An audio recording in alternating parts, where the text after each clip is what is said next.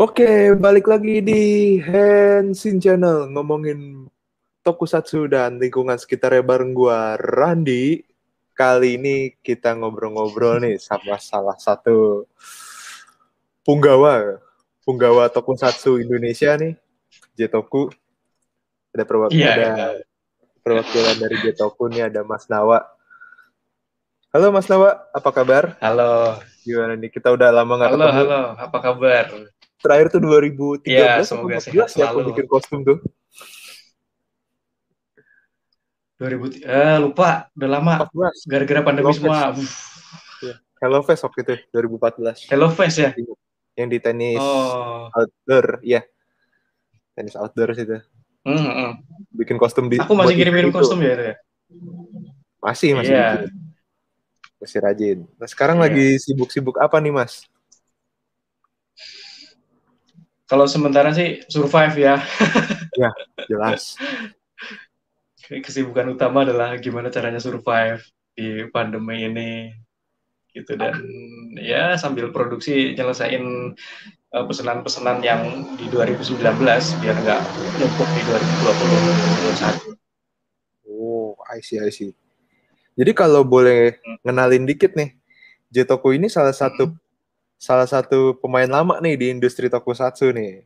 Nggak cuma bikin kostum tapi juga bikin original karakter ya kan? A- sama karakter 2007 ya? ternyata berdiri dari 2007 Uh, oh iya 2007 ya? Kalau berdiri 2005, 2005 ya? 2005 berdirinya. Uh, uh, April Mop, 1 April 2005. iya 1 April tuh ulang tahun tuh. Hmm, pas banget. Ya. Aku tuh Hmm. pertama kali lihat Jetoku tuh di salah satu majalah film mas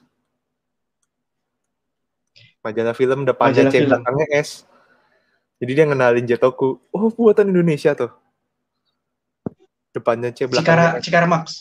Cinemax Cikara bukan? Ya, Cinemax. Oh iya, Cinemax. Ada, ada dulu ada majalah lokal. Iya, Cinemax. Ada majalah lokal juga. Lokal Cikara kalau nggak salah. Terus habis itu eh, Cinemax.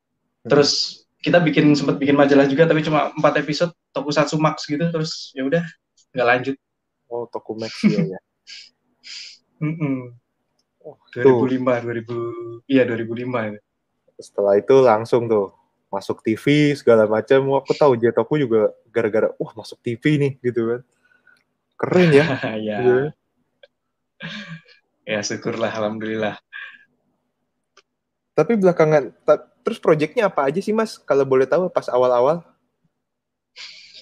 Kalau dulu pas awal-awal kita kan ini ya mau mengkayakan khasanah superhero Indonesia ya. Betul.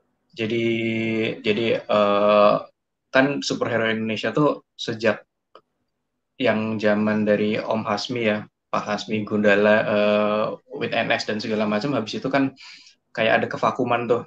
Wah lama Nah, banget terus ya. di ya terus kita mulai coba galakin. Waktu itu medianya medianya kita pakai eh, YouTube.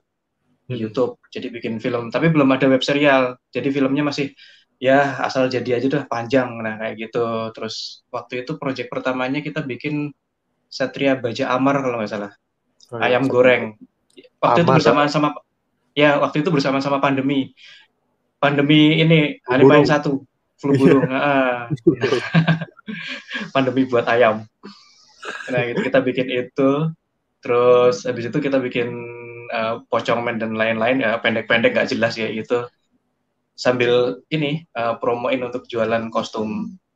Jadi sambil bikin film sambil promoin untuk jualan kostum. Kita bisa bikin Iya. kostum gini. Nah, dan dan waktu itu kalau nggak salah lagi rame-ramenya cosplay. Jadi ya Oh, udah. iya. Cosplay armor tuh dulu mewah banget. Hmm. Ah, di Jogja itu 2004 dari du- 2004 tuh udah udah mulai udah berdatangan cosplay cosplay kayak gitu. Jadi 2004 2005 kita berdiri terus 2006 2007 2008 2010 ekspor keluar. Wah iya ya. 2010 tuh sampai buka cabang ya? Belum eh, belum belum buka cabang. Eh, hanya brand representatif aja kayak Oh, gitu. Tapi kalau cabang cabang kayaknya enggak deh. Cuma studionya kita bagi tiga waktu itu. Jadi ada Jetoku Studio, Jetoku Kostum sama Jetoku Film. Oh gitu iya. yang iya. film buat bikin film bikin film karakternya yang studio buat menangani pesanan kalau ada yang mau didesainin karakternya terus kalau gitu kostum ya untuk melayani pemesanan kostum Oh, I see, I see. Gitu sih. Terus lagi pandemi gini, kira-kira masih rame kah orderan, Mas? Terus kayak tips buat maksimalin itu kayak gimana tuh? Pandemi kan ya kadang-kadang mungkin Eh, mandek atau iya, bagaimana? apalagi apalagi kayak kita, kayak kita ya, kayak kayak Hmm. custom maker custom maker kan hidupnya dari event ya. Iya, betul. Event tuh Jadi jadi ada. begitu begitu Lagi pandemi, nggak ada. Heeh, begitu pak ada event begitu nggak ada event gini eh, hampir ya 50% turun. Jadi baik dalam ataupun luar ya 50% turun gitu. Jadi ya ya ngaruh banget. Yang gede-gede aja ngaruh apalagi kita ya. Iya. Oh, Ya jatuhku gembira gede saja lah. Yang gede-gede ngaruh gitu. Jatuhku juga gede. Oh enggak, biasa. Terus Eh, kalau ngomong-ngomong project original tadi tuh kayak Pocong Man, Hmm. Gatot Kaca, Satria Baja Amar dan lain-lain. Ada wacana mau dilanjutin nggak sih? Nah, itu rencananya kemarin 2020 awal. Jadi 2020 awal itu kita punya rencana sebelum pandemi menyerang, sebelum negara pandemi menyerang. Nah, gitu kan. Kita rencana mau syuting si Pocong Man dan lain-lainnya. Cuman kan begitu itu datang, ya terpaksa kita arsipin dulu gitu loh, di belakang. Oh, disimpan ya. Ya, ya kita arsipin, semua datanya kita simpen dulu. Aduh, jangan dikeluarin dulu. Kita fokus di survival dulu dah, hidup dulu. At least survive dulu lah gitu kan ya. Mm-mm. Tapi emang emang ngaruh banget, apalagi untuk dunia karakter. Jadi kayak untuk pesanan-pesanan ke tempatku itu yang yang kayak uh, ilustrasi dan segala macam juga turun, Mundur semua ya. Tapi nih Hmm, Mas, mundur semua. maaf maaf kata nih. Ada pengu Mm-mm. ada peng- kena pengurangan di Jetoku terjadi pengurangan karyawan kah? PHK atau bagaimana? Ada beberapa. Jadi eh mungkin yang di Jetoku Studio ya, Jetoku Studio kan eh, sewaktu itu kita hidupnya dari ini nih kayak sekolahan-sekolahan kayak gitu. Jadi mereka Hmm. bikin komik dan segala macam ya karena pandemi ini Jetoku Studio dinonaktifkan dulu. Hanya hanya beberapa proyek kecil-kecil yang kita rasa kita mampu handle aja. Yang kita ini cuman pengurangan ya lumayan lah.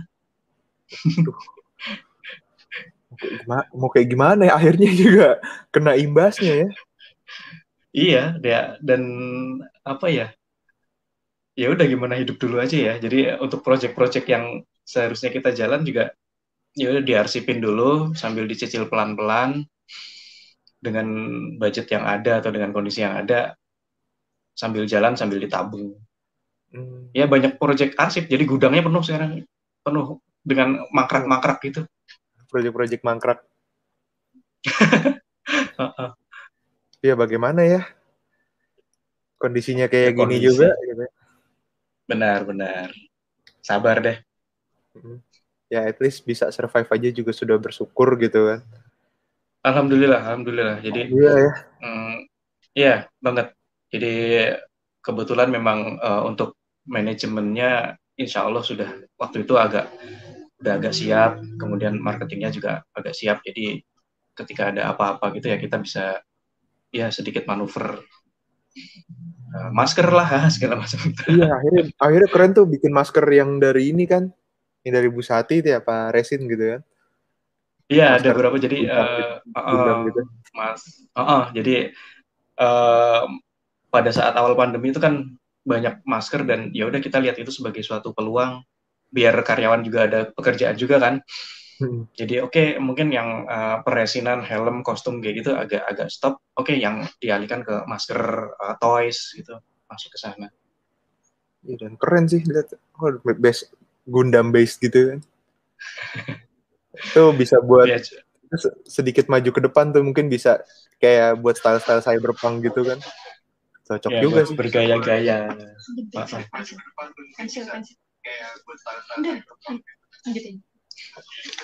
Terus nih Mas, kalau mau tanya-tanya kalau boleh tanya-tanya nih, kan Mm-mm. UMP di Jogja itu kan paling rendah ya di Indonesia, paling rendah. Mm-mm. Apakah Mm-mm. ada kelebihan jadi ada jadi suatu kelebihan atau malah kendala sih Mas di Jotoku ini? Kalau di Jogja, anu ya, mungkin kita lebih lebih siap untuk patah tumbuh hilang berganti ya. Oh, waktu itu bilang berganti. Jadi Iya betul karena sini dunia untuk dunia dunia untuk uh, pelajar mahasiswa. Jadi habis sekolah habis itu pulang ke daerah masing-masing. Terus untuk pekerja juga uh, di sini karena UMP yang rendah itu kan orang gampang berpindah-pindah. Jadi emang harus siap bikin suatu sistem di mana uh, kita bisa bekerja bisa berganti dengan orang apa pun. Jadi misalnya ganti orang, ganti orang baru, ganti orang baru kayak gitu. Gimana caranya supaya uh, diatur biar kualitas nggak turun itu sih yang yang penting kalau aku menurutku di Jogja itu yang kata kalau di daerah lain mungkin gitu ya kan ada yang beberapa uh, teman-teman mungkin cosmaker mungkin ada teman-teman untuk uh, ganti karyawan atau ganti teman saya uh, kualitas bisa turun nah itu yang yang agak susah di sini jadi emang kita harus pinter-pinter jaga-jaga kualitas gitu dengan kemampuan SDM yang berganti patah tumbuh bilang berganti itu tadi. Oh iya. iya. Terus kalau ngomong-ngomong soal penjualan Jetoku nih Mas, emang lebih besar di luar negeri ya daripada di dalam di dalam negeri. Bener nggak tuh? Saya dengar-dengar kayaknya apa iya gitu kan. Dan keren dong kalau memang sampai di luar negeri penjualannya lebih besar dibanding dalam negeri gitu. Ya. Kayak go internasional gitu ya. Ya iya sih ya. Jadi uh, hampir 90% dari dari luar. Jadi ya semua negara gitu pada pesan di sini ya ya ya seharusnya bisa diakui. Paling jauh di mana, Mas? Paling jauh dari mana? Paling jauh. Pesanan paling mana jauh. ya? Aduh. Paling jauh itu bumi itu bulat ya? Ya, bumi dari itu arah bulat. mana nih? dari arah mana? Nyamping, nyamping. Apa ya? Mungkin, mungkin dulu ada yang dari uh, Kairo apa ya? Wow paling jauh. Terus ada yang dari mungkin kalau jauh ya itu tergantung kita mau muterin bumi dari arah mana ya. Iya. Yang belum pernah dari Antartika. Oh iya, yeah. bingung juga sih dari Antartika tiba-tiba yeah. datang pakai UPS gitu dari Jetoku kan. ya, mungkin mungkin mau cosplay jadi beruang kutub. Ya, buat undercover gitu kan dia survive. Iya, buat survive. Lucu sih kalau Jetoku bikin. Bisa buat survive gitu, kayak Hercules dari kulit singa uh, gitu kan. Uh, uh, beruang kutub ya. Terus kalau boleh tahu nih Mas, produk yang paling diminati apa sih dari teman-teman yang order di Jetoku? Kostum ada apa ada kostum karakter spesifik? Uh, biasanya kas, uh, produk yang diminati uh, paling sering paling sering dari dari kelas ranger paling paling sering dari kelas ranger tapi yang paling diminati itu uh, produk yang bisa customize. Oh, jadi mereka jadi, punya konsep uh, sendiri, kita ngajuin ke Jetoku ya? Ya, bisa seperti itu. Juga ada yang uh, mungkin uh, oversize atau uh, mungkin tidak sesuai dengan ukuran normal dan mereka pengen yang uh, fit atau gimana gitu ya. Ya itu yang paling banyak itu kayak gitu karena kita kan spesialnya emang bisa customize ya. Jadi uh, R&D kita emang dikhususkan di yang ngukur-ngukur seperti itu sih. Jadi yang paling banyak emang yang itu. Sama dari desain-desain sendiri ah, aku pengen dimodifikasi dong ini ini ini dicampur ini dicampur ini seperti itu. Oh ukuran so, eh, soalnya ukuran kita sama orang luar beda ya. Benar benar dan, Eropa sama US aja gitu kan? Betul. Jadi, uh, rata-rata mungkin mereka yang uh, kurang ideal nah mereka pengen punya kostum nah biasanya ke kita I see, I see, I see. Terus kayak kostum maker ini tetap dengan indu, industri kostum maker ini tetap nggak sih kayak menjanjikan di masa depan? Karena banyak loh peminatnya dan cosplay juga makin menjamur ya. Mm. Kalau aku rasa ya selama selama masih ada dunia hiburan, selama masih ada dunia entertainment dan selama masih ada anak-anak, uh, dunia dunia fantasi kayak gini sih nggak nggak bakal nggak bakal tamat ya. Artinya ya. itu kan tinggal bagaimana kita me, me, me, me, menjebatani apa keinginan dari para klien. Jadi ketika mereka uh, menonton sesuatu hiburan yang baru, yang pasti selalu ada hiburan kan nomor satu di dunia tuh selalu ada oh, pengen punya kostumnya itu pengen kostumnya ini uh, kita harusnya bisa masuk ke sana jadi kita bisa provide lah nah itu. kalau boleh cerita iya jangka panjang. Kalau boleh cerita dikit nih, dulu tuh hmm. aku bikin kostum White Ranger tuh emang waktu itu pengen cari yang lumayan lah gitu kan, makernya gitu kan. Akhirnya melipir ke Jetoku dan waktu itu kayak ekspektasi ekspektasinya muluk-muluk kayak bintang filmnya Hmm. pasti bakal datang ke Jakarta nggak tahu kapan. Karena waktu itu kepo kan lihat sosial medianya si Jason David Frank kayak ini kapan ya ke Mm-mm. Indonesia gitu. Kok di komik Mm-mm. kok budaya Comic Con ini di Indonesia eh di luar negeri tuh seru ya. Coba kalau Indonesia Mm-mm. bikin ternyata beneran kejadian Mas 2017. Woi aku abadikan. ya? Iya dong, harus diabadikan itu kan. Eh, Makan nih foto jadi bareng. dapat dapat tantangannya nggak? Kenapa tuh? Dapat tanda tangan Dapat di di di figur satu, terus di poster yang di provide sama event organizer-nya juga dapat. Sampai fotonya Iya. ditanda tangan, hard copy-nya tuh. Kayak oh ya sini Iya. aja kayak gitu. Wah, luar biasa itu. oke. Kalau boleh itu. Terus Mimpi ya, yang lagi mimpi jadi nyata ya. Iya, kayak bener kayak dreams come true banget. Jadi kalau mau bikin kostum salah satunya ke Jetoku nih. Ngobrol-ngobrol sama Mas Nawa. Oke, makasih. Atau main-main ke tempatnya kan. Main-main ke Boleh, tempatnya. Tempat boleh. baru Kabar-kabarin dulu. Gimana? Tempat baru sekarang di mana sih? Bukan di Batik lagi ya? Masih di Batian. Jadi eh, di, di Batian mungkin sekarang difungsikan sebagai kantor. Jadi kalau untuk studionya kita punya beberapa studio di daerah Bantul, Sleman dan sekitarnya gitu. Cuman kalau yang di sini buat studio kayaknya udah nggak cukup tempatnya. Oh iya, udah penuh banget Hmm. tuh kayaknya di Batian. Betul. Jadi di sini cuma sebagai eh, kantor, mungkin tempat pengiriman sama finishing dan ya sedikit untuk menerima klien lah misalnya. Ah, I see. Pinggir Saya jalan juga ada- kan? Hmm. Mm-mm. Teman-teman cosplayer juga pernah sering ke sana ya? Kayak salah satunya Mas Kori, Mas Kori Hali tuh. Kalau Iya, kapan itu terakhir? Kapan itu terakhir ke sini? Heeh. Tahun berapa itu? 2018. Iya, 18, 18, 18. Kayaknya Kalau nggak 18 kalau nggak 17. Heeh, 18. Segituan. Waktu itu pas lagi ke Jogja, mamp- harus mampir ke Jetoku. Mampir. Mampirlah. Lihat fotonya. Terus yang lagi heboh-heboh nih, isu yang lagi seru-serunya nih di Jepang terkait copyright masalah cosplayer. Mm-mm. Ini ini ngaruh nggak sih buat Jetoku? Terus gimana reaksinya Jetoku ketika ini kan belum diketok ya, belum disahkan. Tapi ada Belum isu ya? bahwa belum. Mm-mm. Jadi lagi dikaji oleh pemerintah Jepang bahwa Mm-mm.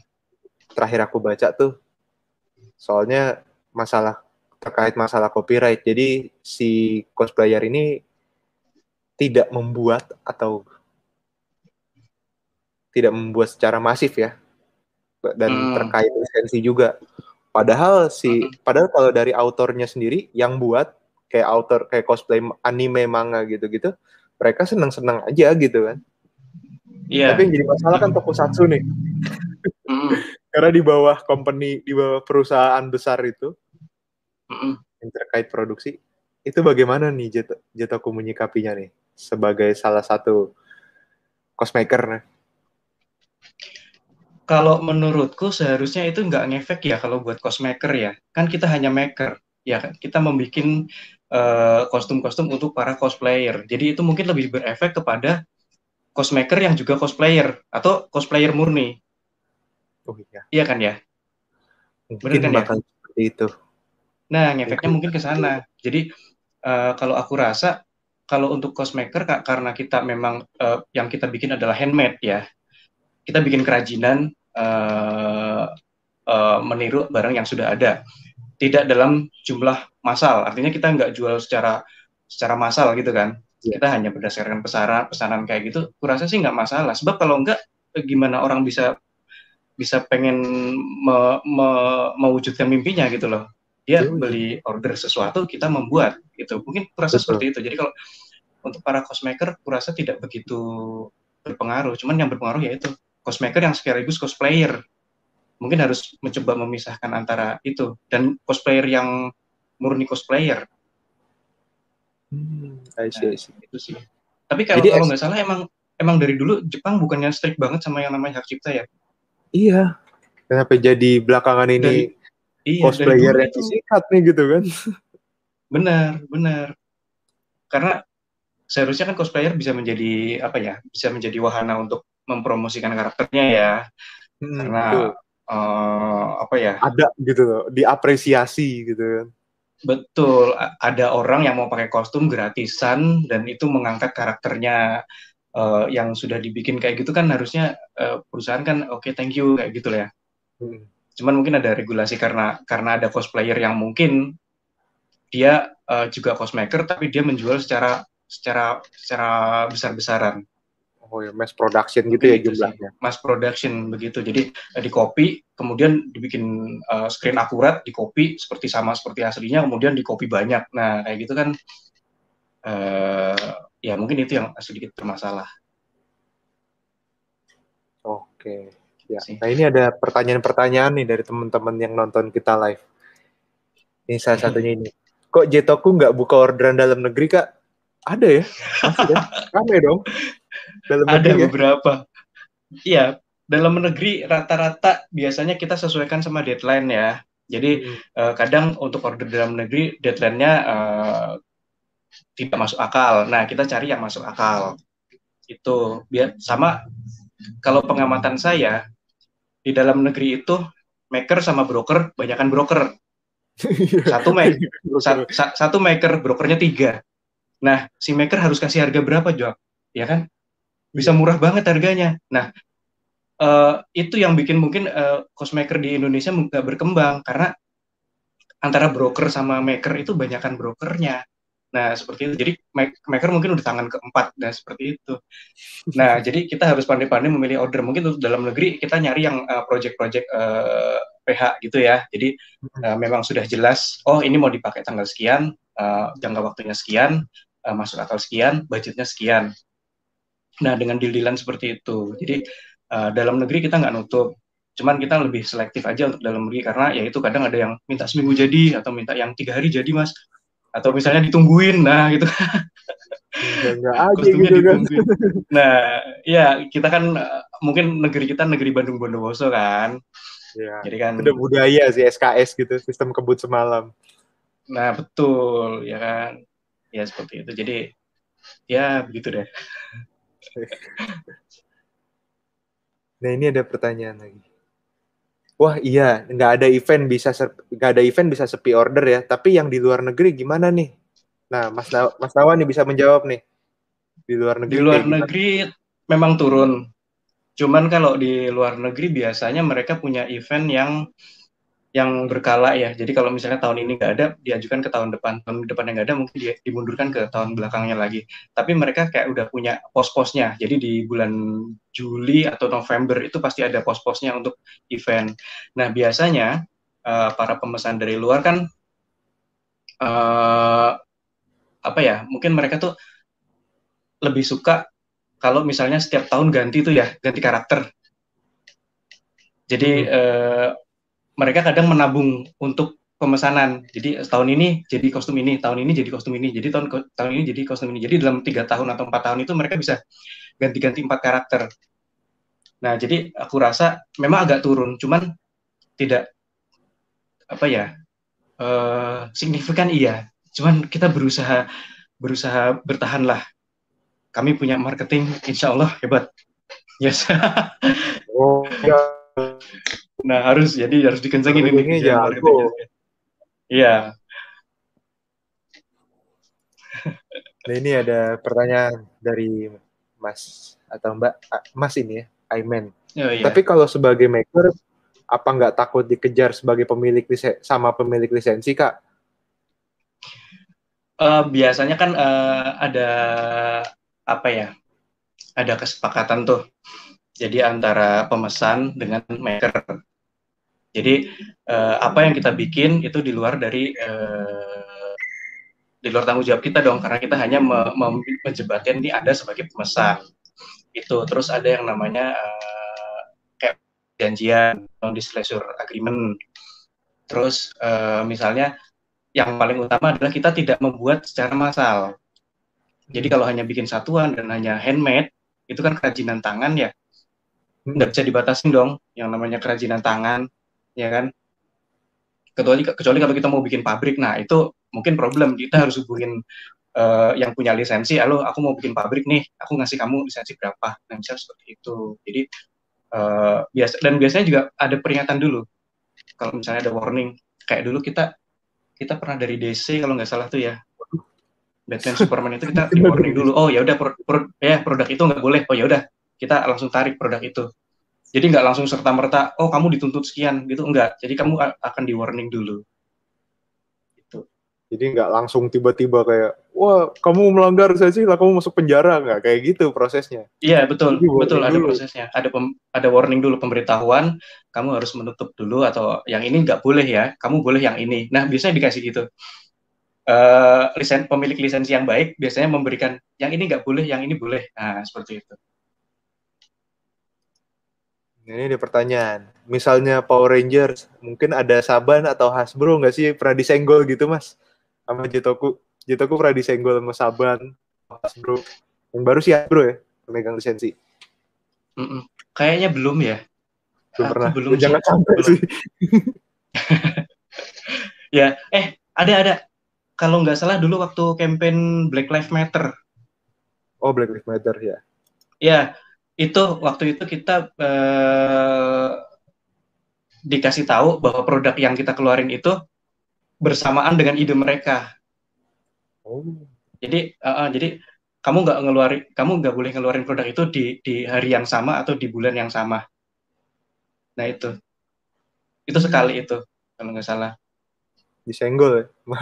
hmm, bisa, dikasih tahu. Uh, dikasih tahu baik kok. Jadi uh, aku rasa nggak perlu khawatir deh. Asal nggak masalah itu tadi. Hmm. Nah ini ada pertanyaan, pada pertanyaan seru nih pernah ngerjain buat perusahaan besar apa aja mas PH gitu kan atau buat maskot company gitu kan uh, ini kalau ini masuknya dalam uh, apa ya ya itu tadi non disclosure agreement ya jadi aku mungkin nggak boleh ngasih tahu ke ke umum tapi ada lah oh, beberapa iya. yang dari dari dalam dari luar ada PH PH mungkin film yang superhero itu ada yang beberapa uh, pesan di kita cuman kita nggak boleh ngasih tahu itu film apa keren, keren, keren. mantap mantap Nah ini ada pertanyaan lagi nih. Biasanya satu kostum Kamen Rider atau Sentai itu berapa lama sih kak bikinnya? Soalnya rame banget di luar sana yang ribut-ribut maker itu kalau bikin kostum bisa bertahun-tahun baru selesai. Sebenarnya gimana ya? uh, iya iya iya. Ini yang balik paling banyak ya. Jadi uh, hmm. Kalau di di kami uh, kita punya punya manajemen ya uh, gimana caranya order itu tidak melebihi satu tahun. Karena kalau udah lebih dari satu tahun kita nggak untung. Jadi uh, apa ya kita usahakan sebagaimana mungkin yang namanya order itu tidak lebih dari satu tahun apa pun itu. Nah itu nanti tergantung. Jadi ada beberapa uh, pesanan yang mungkin emang butuh lama. Jadi misalnya ada klien yang nyicil wah ada nyicil nih kita ada sistem nyicil terus ada klien yang minta dia uh, sangat perfect misalnya kayak gitu, itu kan butuh riset. Betul. Nah ini tentunya kita harus pendekatan, harus pendekatan sama kliennya. Oke, okay, untuk karaktermu butuh screen yang sangat akurat dan segala macam, aku butuh uh, media dan kita selalu berikan update secara berkala, tidak pernah putus update. Jadi hmm. oke, okay, uh, eh, klien tanya progresnya sampai sini, oh progres sampai sini, jadi selalu di report kayak gitu. Jadi itu emang tugasnya dari CS itu selalu memberi uh, harus harus selalu komunikasi sama klien. Walaupun setahun lamanya, dua tahun lamanya, insya Allah kita nggak pernah ada masalah karena kita selalu komunikasi. Oh ya, progresnya butuh waktu satu minggu, dua minggu, tiga minggu. Waduh, hujan, keringnya lama nih. Kita ngasih yeah. tahu. Jadi jangan sampai ada klien yang yang uh, waduh aku ternyata di blok, aduh aku nggak nggak ini. Nah itu kayak aku rasa nggak sopan itu kalau dalam berbisnis itu ya. Jadi kita beritahu kendalanya apa, seandainya ada kita emang nggak sanggup ya kita ngomong waduh yang ini nggak sanggup mungkin kamu bisa cari uh, klien lain yang dia emang spesifikasi spesifikasi mengerjakan hal itu. Tapi selama ini uh, alhamdulillah kita uh, lancar. Dan ya itu kita punya manajemen jangan sampai di atas satu tahun. Seadanya ada pun itu menjadi hutang di tahun 2000 uh, di tahun berikutnya. Nah itu harus MPC MPC itu mbuh biaya carane gimana caranya pokoknya itu harus selesai Jadi kita emang deliver deliver ya. Eh, kita iya. mengutamakan deliver. Soalnya kan gini, misalnya ada ada klien ya kita menempatkan diri sebagai klien aku pengen dong aku cosplay setiap tahun ganti masa aku nunggu sampai lima tahun aku nunggu sampai tiga tahun kalau misalnya aku sampai tiga tahun mungkin aku udah udah nggak punya uang lagi atau mungkin aku udah ganti ganti ganti ganti hobi kan Mm-mm. artinya kan eh, jangka orang punya kesenangan tuh kan ter- terbatas waktunya jadi ya gimana caranya kita memanage hal itu sih Ah, I see. Wah ini ada Iya. ser- pertanyaan seru lagi nih. Tanggapan Jetoku sama maker sebelah yang lagi viral sampai dibikin petisinya gimana? Ngefek nggak? Kita sih nggak mau nyebut brand ya. Mungkin dibilangin maker sebelah nih. Ini gimana nih sampai ada bikin petisi? Saya udah ya itu kan saya nggak tahu nih. itu kan uh, uh, it- itu kan masalah keluarga masing-masing ya. Jadi ya kayak kurasa nggak gitu ngefek sih sama kita. Jadi ya ya dalam negeri lah urusan dalam negeri masing-masing. Aku juga nggak menyebut dapur, ya. Urusan dapur itu. urusan dapur. Ya apa yang kamu tanam itu yang kamu petik. Jadi ya kita berusaha yang baik aja lah. Yang namanya kalau kita pengen sina- berkesinambungan dan berjangka panjang ya komunikasi harus dijaga aku rasa. Saya marah-marah itu kalau ya marketing sama manajemen saya marah-marah kalau ada yang ini kok nggak diupdate ini? Walaupun nggak ada update harus ada update NPC itu tadi. Bukti caranya. yang bicaranya Bahkan masih ada masih ada beberapa yang gantung ya, tapi ya it's okay sih karena masalah pandemi ya gitu ya. Betul, klien itu biasanya eh, mereka juga paham kok. Jadi kalau kita beritahu, kita kasih tahu, kita kasih pengertian, mereka paham. Ya mungkin ada yang tidak ya, cuman itu hanya beberapa. Dan Beberapa. kita ada ada, iya ada negosiasi lah. Kalau misalnya gitu kan, aneh apa ya? Ya komunikasinya lah seperti itu. Mm. Jadi Dan jangan kayak- sampai ngeblok, jangan sampai kabur. Eh, maaf juga itu bukan suatu hal yang tabu kan. Jadi ya, ya oke. It's okay kok gitu ya. Mm-mm. Dan kalau Jetoku ini kalau bikin size chart ini bener-bener mendetail loh sampai dari ujung pala sampai ujung kaki jangan sampai miss gitu kan. Ya itu aja mungkin ada beberapa yang miss loh. Size chartnya gitu kan. Pernah dikasih size chart gitu. Waduh, Iya. iya ngukurnya gitu kan. itu aja aku pikir masih kurang lengkap itu karena kita masih belum sempurna jadi harus harus harus fit like a glove. Itu yang yang kita cari. Kita belum sempurna. Itu itu kita lagi nyari gimana ya caranya supaya supaya ngepas banget gitu. Biasanya kalau udah udah pas banget SDM-nya yang harus harus harus didisiplinin. Wow lingkar jempolnya sekian gitu kan. Panjang jempolnya sekian. Wah pusing. Pusing. Pusing bener. Heeh. Berarti kerja sama Mas Nawa nih siap harus siap pusing. ya pusing tiap hari Oke, balik lagi ke profil nih. Kalau boleh tahu nih, eh kalau boleh tahu. Mas Nawa ini kuliahnya dulu apa sih? Bisa sampai bervisi jadi bikin kostum gitu kan, pengen jadi kostum maker. Dulu tuh kalau itu kuliah kalau itu kuliah kuliahnya apa nih Mas dulu? Aku dulu di DKV, jadi DKV ISI, Institut Seni Oh. Indonesia. BKV. Nah. Hmm, jadi di eh, desain grafis lah ya. Mm-mm. Nah, cuman dulu kan sampai sekarang bahkan mungkin yang namanya desainer kan mungkin berkaitan sama eh, pamflet, booklet, reklame itu nggak ada yang kayak desain-desain kostum, desain-desain monster gitu nggak ada. Jadi 2005 itu aku selesai dari isi, aku bikin aja toko untuk desain aneh-aneh begini. Terus dari awal emang udah punya niat sendiri ya Mas ya? Atau untuk atau kerja di perusahaan lain apa atau pernah kerja di kerja di perusahaan lain? Eh, niat udah ada karena aku nggak betahan. Jadi aku orangnya apa ya? Kalau duduk nggak betah diem, kalau diem nggak betah duduk. Jadi kalau di perusahaan juga apa? Dulu pernah kerja di tempat orang, tapi malah aku main ke belakang, malah belajar sama tukang resin di belakang gitu. Oh, tukang resin di belakang ya. Ya belajar di mana pun ya, kayak gitu. Jadi eh, pernah kerja di perusahaan lain, ya mencari ilmu, menimba ilmu, mencuri ilmu, cari pengalaman, gitu. Da- Tapi intinya pengen pengen bikin sendiri, bisa ngerjain orang lah intinya gitu, ngerjain orang. Kerjaan orang. kucingnya yang di Jetoku masih ada kan mas ya? Yang matanya beda sebelah tuh putih ya kucingnya. Waduh udah nggak ada, udah nggak ada. Sedih banget tuh, Iya. kalau kita ke atas gitu dikit kan, oh ada kandang kucing, kucingnya lucu banget gitu. Ya berarti 2017 2018 itu ya. Iya. Kucing yang Ah, ah, putih itu warnanya. kucingnya kita ungsikan.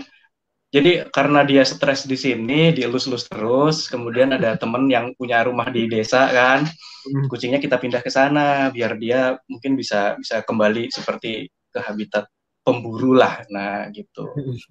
Di sini juga banyak tetangga. Jadi selain apa ada rawan yang suka nembakin kucing tuh loh. Jadi aduh, kasihan nanti kucingku ketembak gitu. Jadi Iya, kita ungsikan warna. kita Iya, kita kita berikan kehidupan yang lebih baik untuk dia supaya bisa menyusun keluarga sakinah mawadah warahmah ya.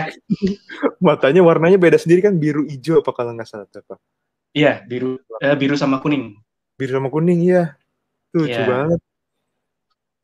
Suparwati Karin Cahyaningsih itu namanya. Oh namanya ada namanya ya. Oke oke oke.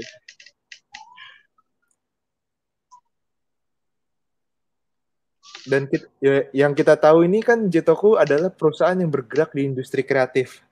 Tapi apakah Mas Nawa melakukan self proclaim bahwa Mas Nawa adalah orang yang kreatif? Belum ya, kurang. Aku kurang kreatif. Kurang kreatif. Padahal udah Kurang. sebesar itu loh karyanya. Eh, masih masih banyak masih banyak yang belum bisa diselesaikan. Jadi eh, mungkin harus harus harus punya banyak orang, punya banyak banyak sumber daya lagi untuk bisa mewujudkan apa yang ada di dalam otak itu. Jadi masih masih belum saya rasa. Jadi kreativitas Aku masih suka ya ya aku ya. masih suka betul aku masih suka nonton YouTube nyari inspirasi aku suka masih googling cari inspirasi nyimpen-nyimpen gambar di Pinterest dan segala macam gitu HP ku tuh aduh sebulan mungkin 7000 gambar gitu masuk ke harddisk masuk ke harddisk kayak gitu nggak ngerti tapi aku kumpulin di situ Wah iya tuh. ya, jangan mainan HP gitu Yang mainan Jangan HP, mainan HP. referensi ini ya. nyimpenin gambar gambar referensi, referensi ya kan. iya Next post tuh mau diapain. Jadi kayak gitu. Betul. Kan kan sebenarnya dunia ada sebenarnya bisa ke mana-mana ya kalau misalnya eh, yang untuk resin, misal kita bisa masuk ke toys, resin, ke macam-macam resin production yang eh, miniatur, diorama, segala macam kan ada.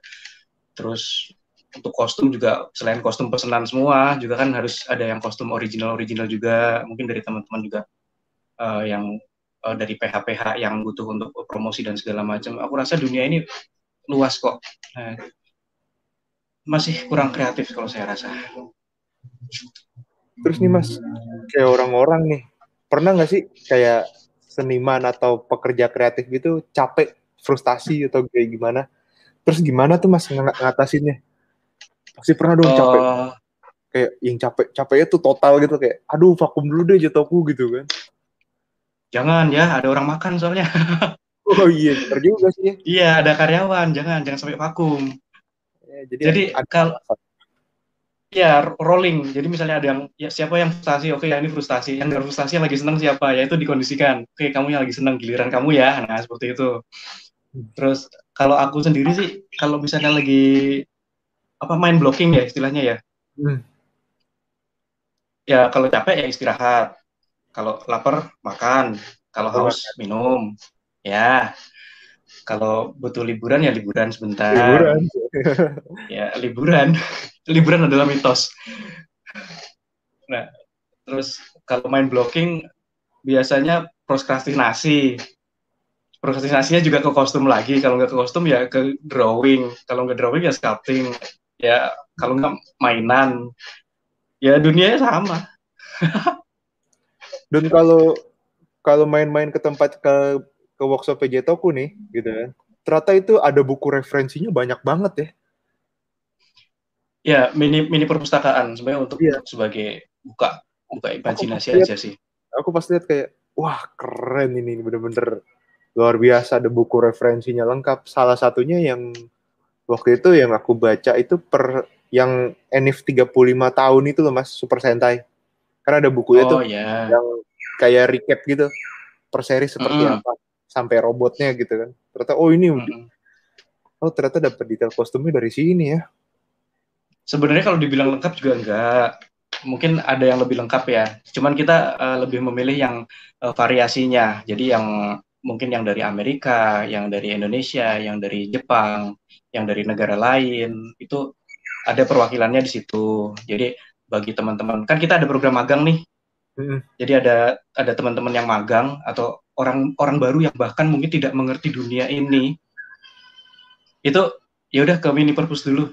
Kamu uh, baca-baca deh di di situ biar aku agak kebuka uh, pemikirannya. Nah seperti itu. Jadi uh, sebenarnya lebih ke arah itu tuh fasilitas untuk membuka teman-teman yang masih yang masih uh, belum kenal dunia ini sama ya buat mengenalin lah. Soalnya kan agak susah juga ngenalin ini dunia apa gitu oh dunia iya. tokusatsu oh dunia superhero apa itu ah gitu kan agak susah mau dijadiin apa sih gitu kan kadang-kadang begitu tuh Bener, apalagi yang di, uh, di sini kan kalau di kantor seba hanya sebagai finishing kirim, finishing kirim. Mm-hmm. Jadi mereka kayak buta gitu kalau misalnya mereka pada magang di kantor gitu. Uh, apa itu mas di kotak-kotak kayak gitu? Ya itu di kotak itu kliennya itu. Nah kayak gitu kan mereka ini bikinnya gimana kan nggak tahu. Terus ini karakter, karakter apa kan mereka nggak ngerti.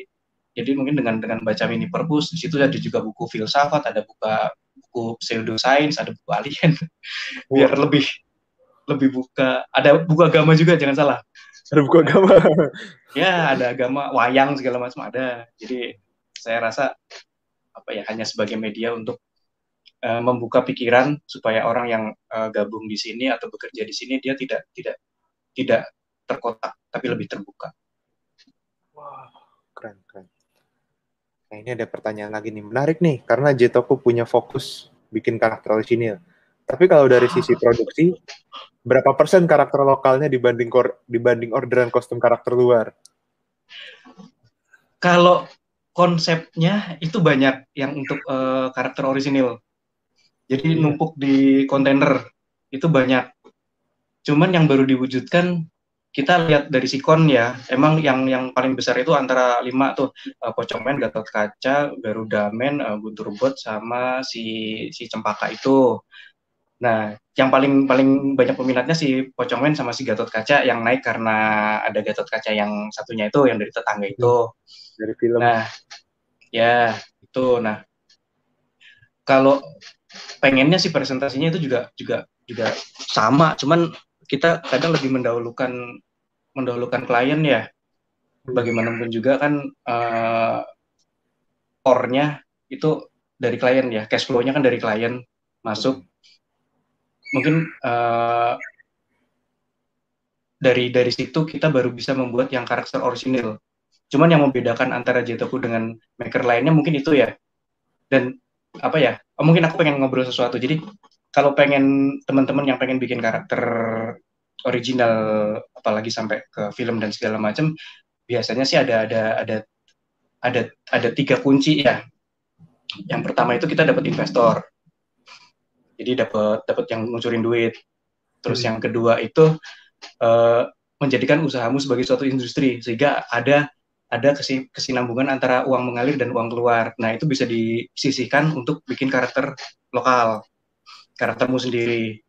Yang ketiga kolaborasi. Cuma kalau kolaborasi mungkin sama teman-teman uh, harus jelaskan uh, eh, MOU-nya. Nanti kalau viral uh, bagiannya gimana nih? Nah, mungkin ada tiga itu buat tips buat teman-teman yang aku lihat kan ada beberapa youtuber-youtuber yang pada bikin superhero superhero gitu terus abis itu uh, ya bagus itu itu aku aku juga suka nonton nontonin itu jadi mungkin teman-teman biar ada bisa berkarya terus lah aku rasa ah I see, I see, I see. Terus kalau boleh, terus di pertanyaan selanjutnya nih, bagaimana per, persaingan di industri kostum maker ini nih? Udah ketat atau minim persaingan? Tapi kayaknya rame ya, banyak kok yang bagus-bagus aku akuin. Rame, banyak. Jadi, uh, ya itu tadi ya yang aku sebut ya, kalau di Indonesia, kalau untuk maker kan uh, perbandingannya mungkin satu maker, tiga broker, misalnya seperti itu. Terus kalau maker-maker baru juga pada bermunculan ya, Cuman ya itu, kurasa mungkin para maker perlu ada sebuah sebuah kesepakatan atau mungkin paguyuban cosmaker se-Indonesia gitulah misalnya seperti itu yang di mana yang di mana mereka saling menghormati. Jadi jangan jangan uh, jangan sampai masang harga seenaknya. Artinya oke okay, ada standar nih untuk harga yang ini dengan misalnya dicat segini, dilapis vinil segini, pakai resin segini, terus uh, ada bahan-bahan lain segini.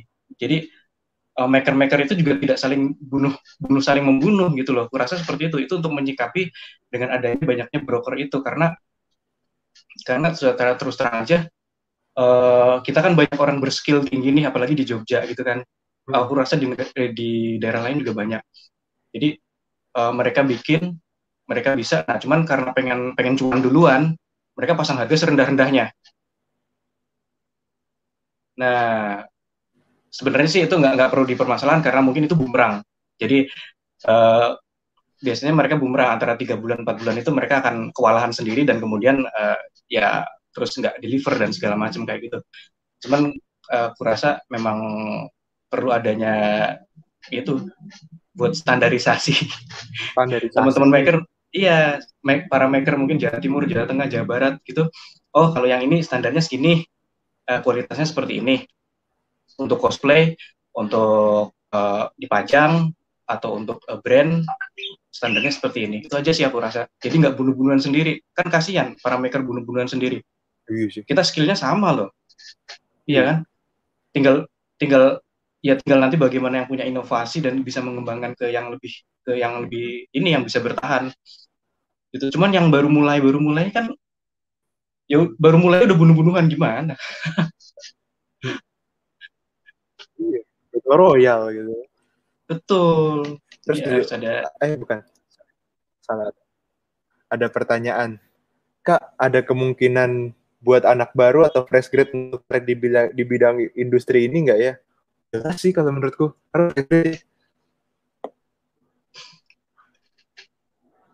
Kemungkinan sangat terbuka. Jadi, aduh, sebentar aku nendang sesuatu. Ya. Kemungkinan sangat terbuka karena ini kan uh, apa ya dunia kreativitas ya dunia kreativitas dunia kreativitas itu kan nggak ada batas ya. Jadi teman-teman yang baru, fresh graduate, mungkin daripada mungkin uh, agak susah mencari pekerjaan di masa pandemi, mungkin bisa sambil ya uh, cari sambilan. Wah, nambah pesaing, cosmaker. oh, magang dulu di Jetoku. Welcome loh, Mak, Jetoku. Kita ada uh, kelas magang ada. Gimana gimana? As long mau belajar itu nggak apa welcome banget ya kan? Iya. Jadi aku lebih menghargai ketika misalnya ada teman-teman yang mungkin magang belajar dia bisa kemudian kita bisa lempar order atau lempar rezeki. Ayo bagi kamu kerjain. Kan kan ada pemasukan juga. Nah gitu. Cuman uh, yang agak problem mungkin kalau di Indonesia uh, kalau udah biasa kalau udah bisa biasanya langsung uh, entah berdiri sendiri atau langsung jadi saingan. Nah mungkin uh, per persaingan kita gitu ya, apa peninggalan zaman penjajah kali ya. Yeah. Saya lebih suka kalau misalnya kita bisa kerjasama kan, hmm. betul. Nah, kita ngomong-ngomongin kita selanjutnya kita bakal ngobrolin proyek Jitokun yang baru dilihat akhir tahun. Ini ada baru rilis akhir tahun ya, Brigadir Jogowargo ini. Itu boleh dong Mas cita Iya, 2000 prosesnya itu gimana tuh? Itu itu 2018 kalau nggak salah itu 2018. Ah, jadi uh, eh, 2018 itu kita bikin jadi temanya tentang superhero masuk desa ya. Maksudnya kan ya superhero selama ini kan selalu di kota, di kota besar metropolitan dan segala macam. Uh, jarang yang superhero itu di kampung, di desa, di pegunungan gitu. Terus uh, ya udah kita bikin si Joko Warger itu Joko Warger, Joko Wargo itu yang buat mengkayakan kasanah kita aja.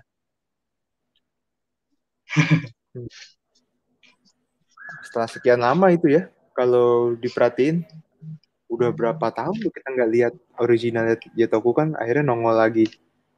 Jeder, Betul, kita ter Iya 2011 kalau nggak salah Gatot Kaca yang web serial yang nggak lanjut itu ya.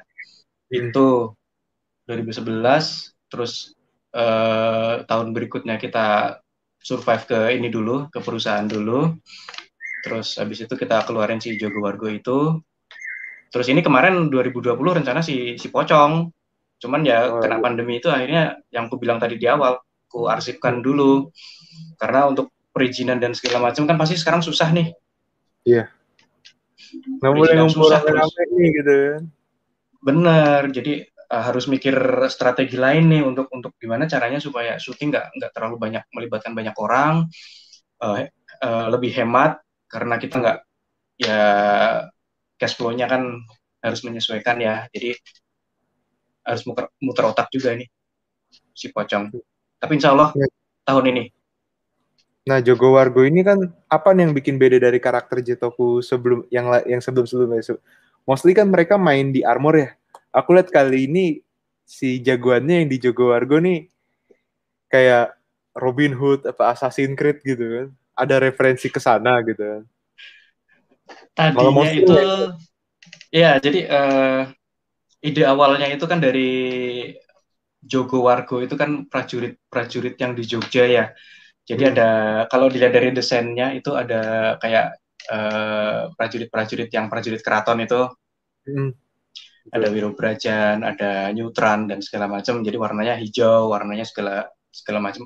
Waktu itu idenya dapat karena kita prihatin eh, prajurit-prajurit keraton di Jogja itu kan sudah sepuh-sepuh.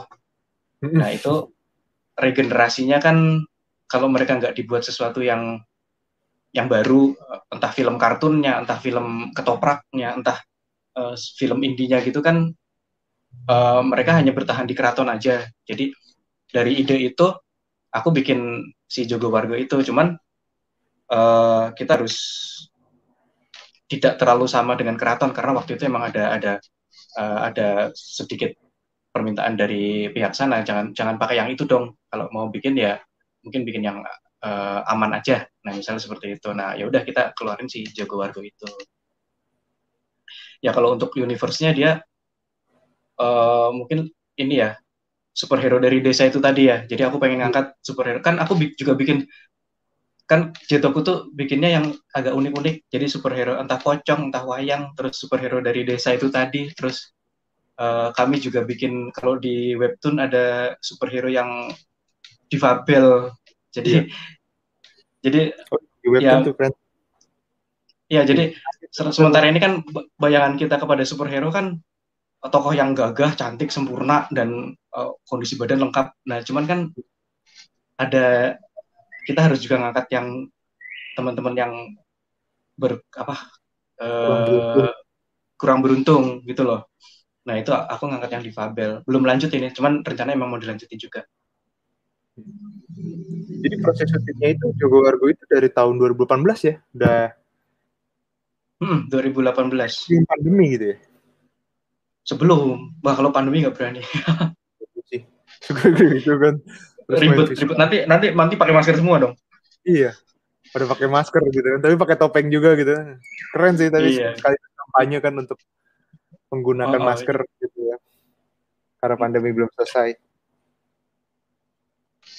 terus misinya ini kan merangsang industri kreatif juga melahirkan karya karya superhero lokal nih gitu kan apakah dikira sudah berhasil? Gitu. Ini kalau gue kalau aku lihat nih kayak trigger gitu loh buat teman-teman yang lain. Dan ada teman-teman yang bikin juga. Ya, kalau kalau berhasil belum ya. Kalau aku rasa masih masih jauh dari kata berhasil. Kita masih harus uh, uh, terus memancing itu.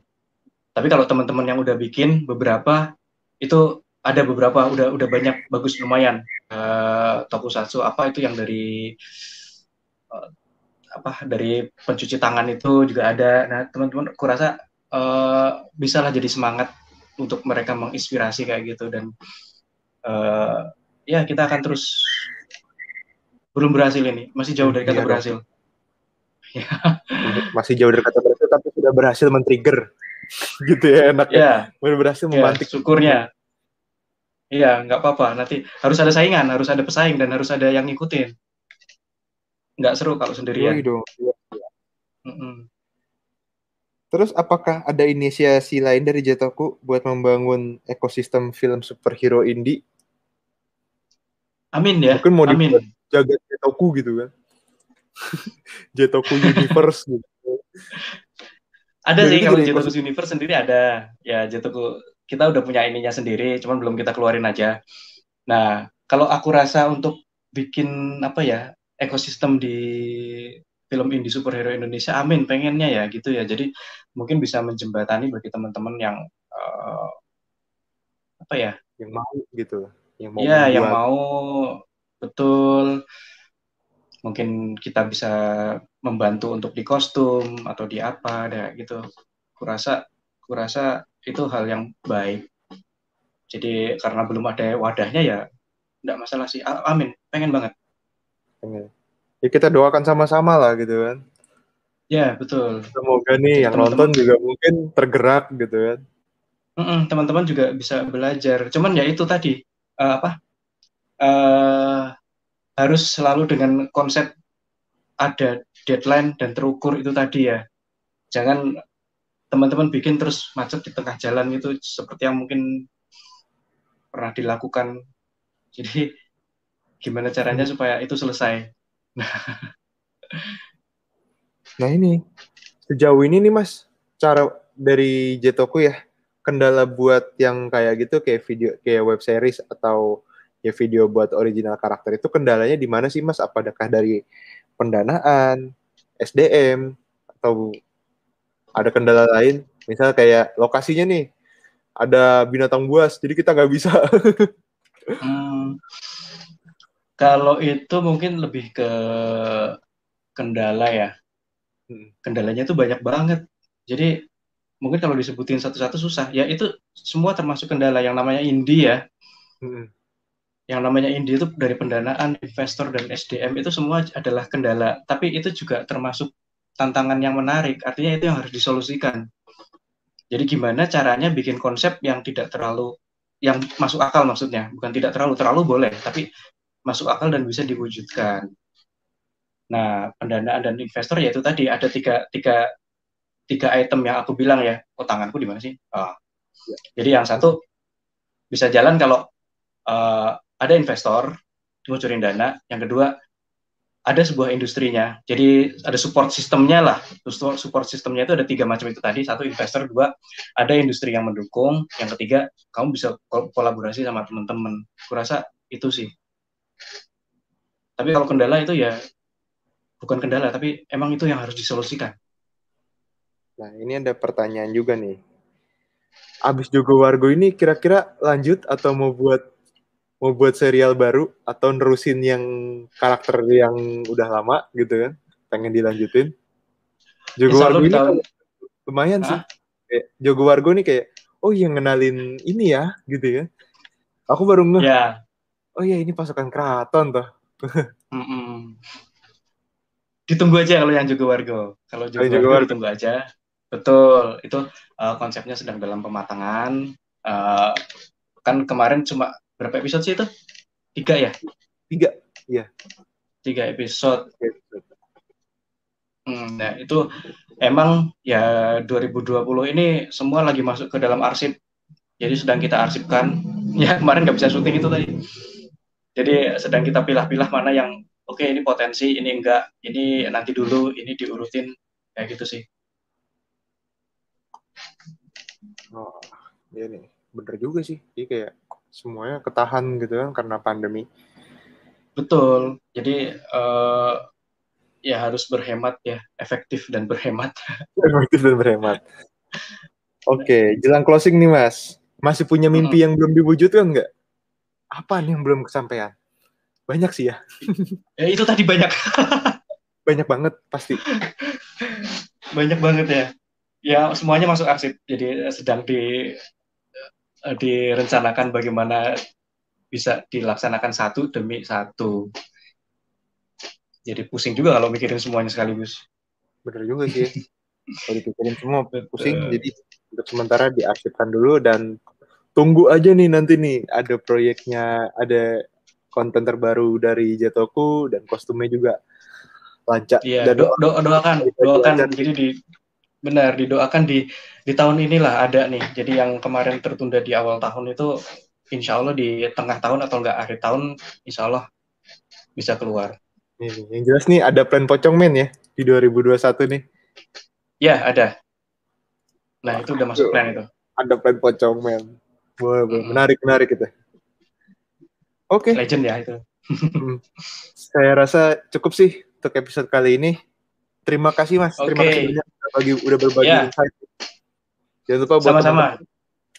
Jetoku juga tetap tetap lancar gitu kan. Nanti kapan-kapan aku main lagi ke tempat tempat baru nih. Ya, silakan, silakan ngabarin dulu ya.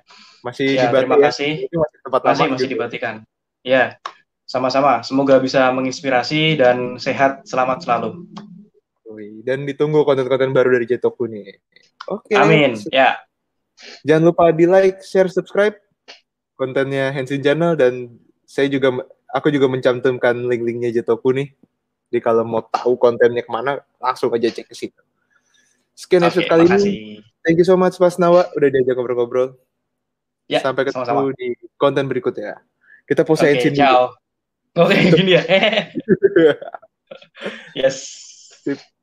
Oke, thank you so much. Oke, thank you.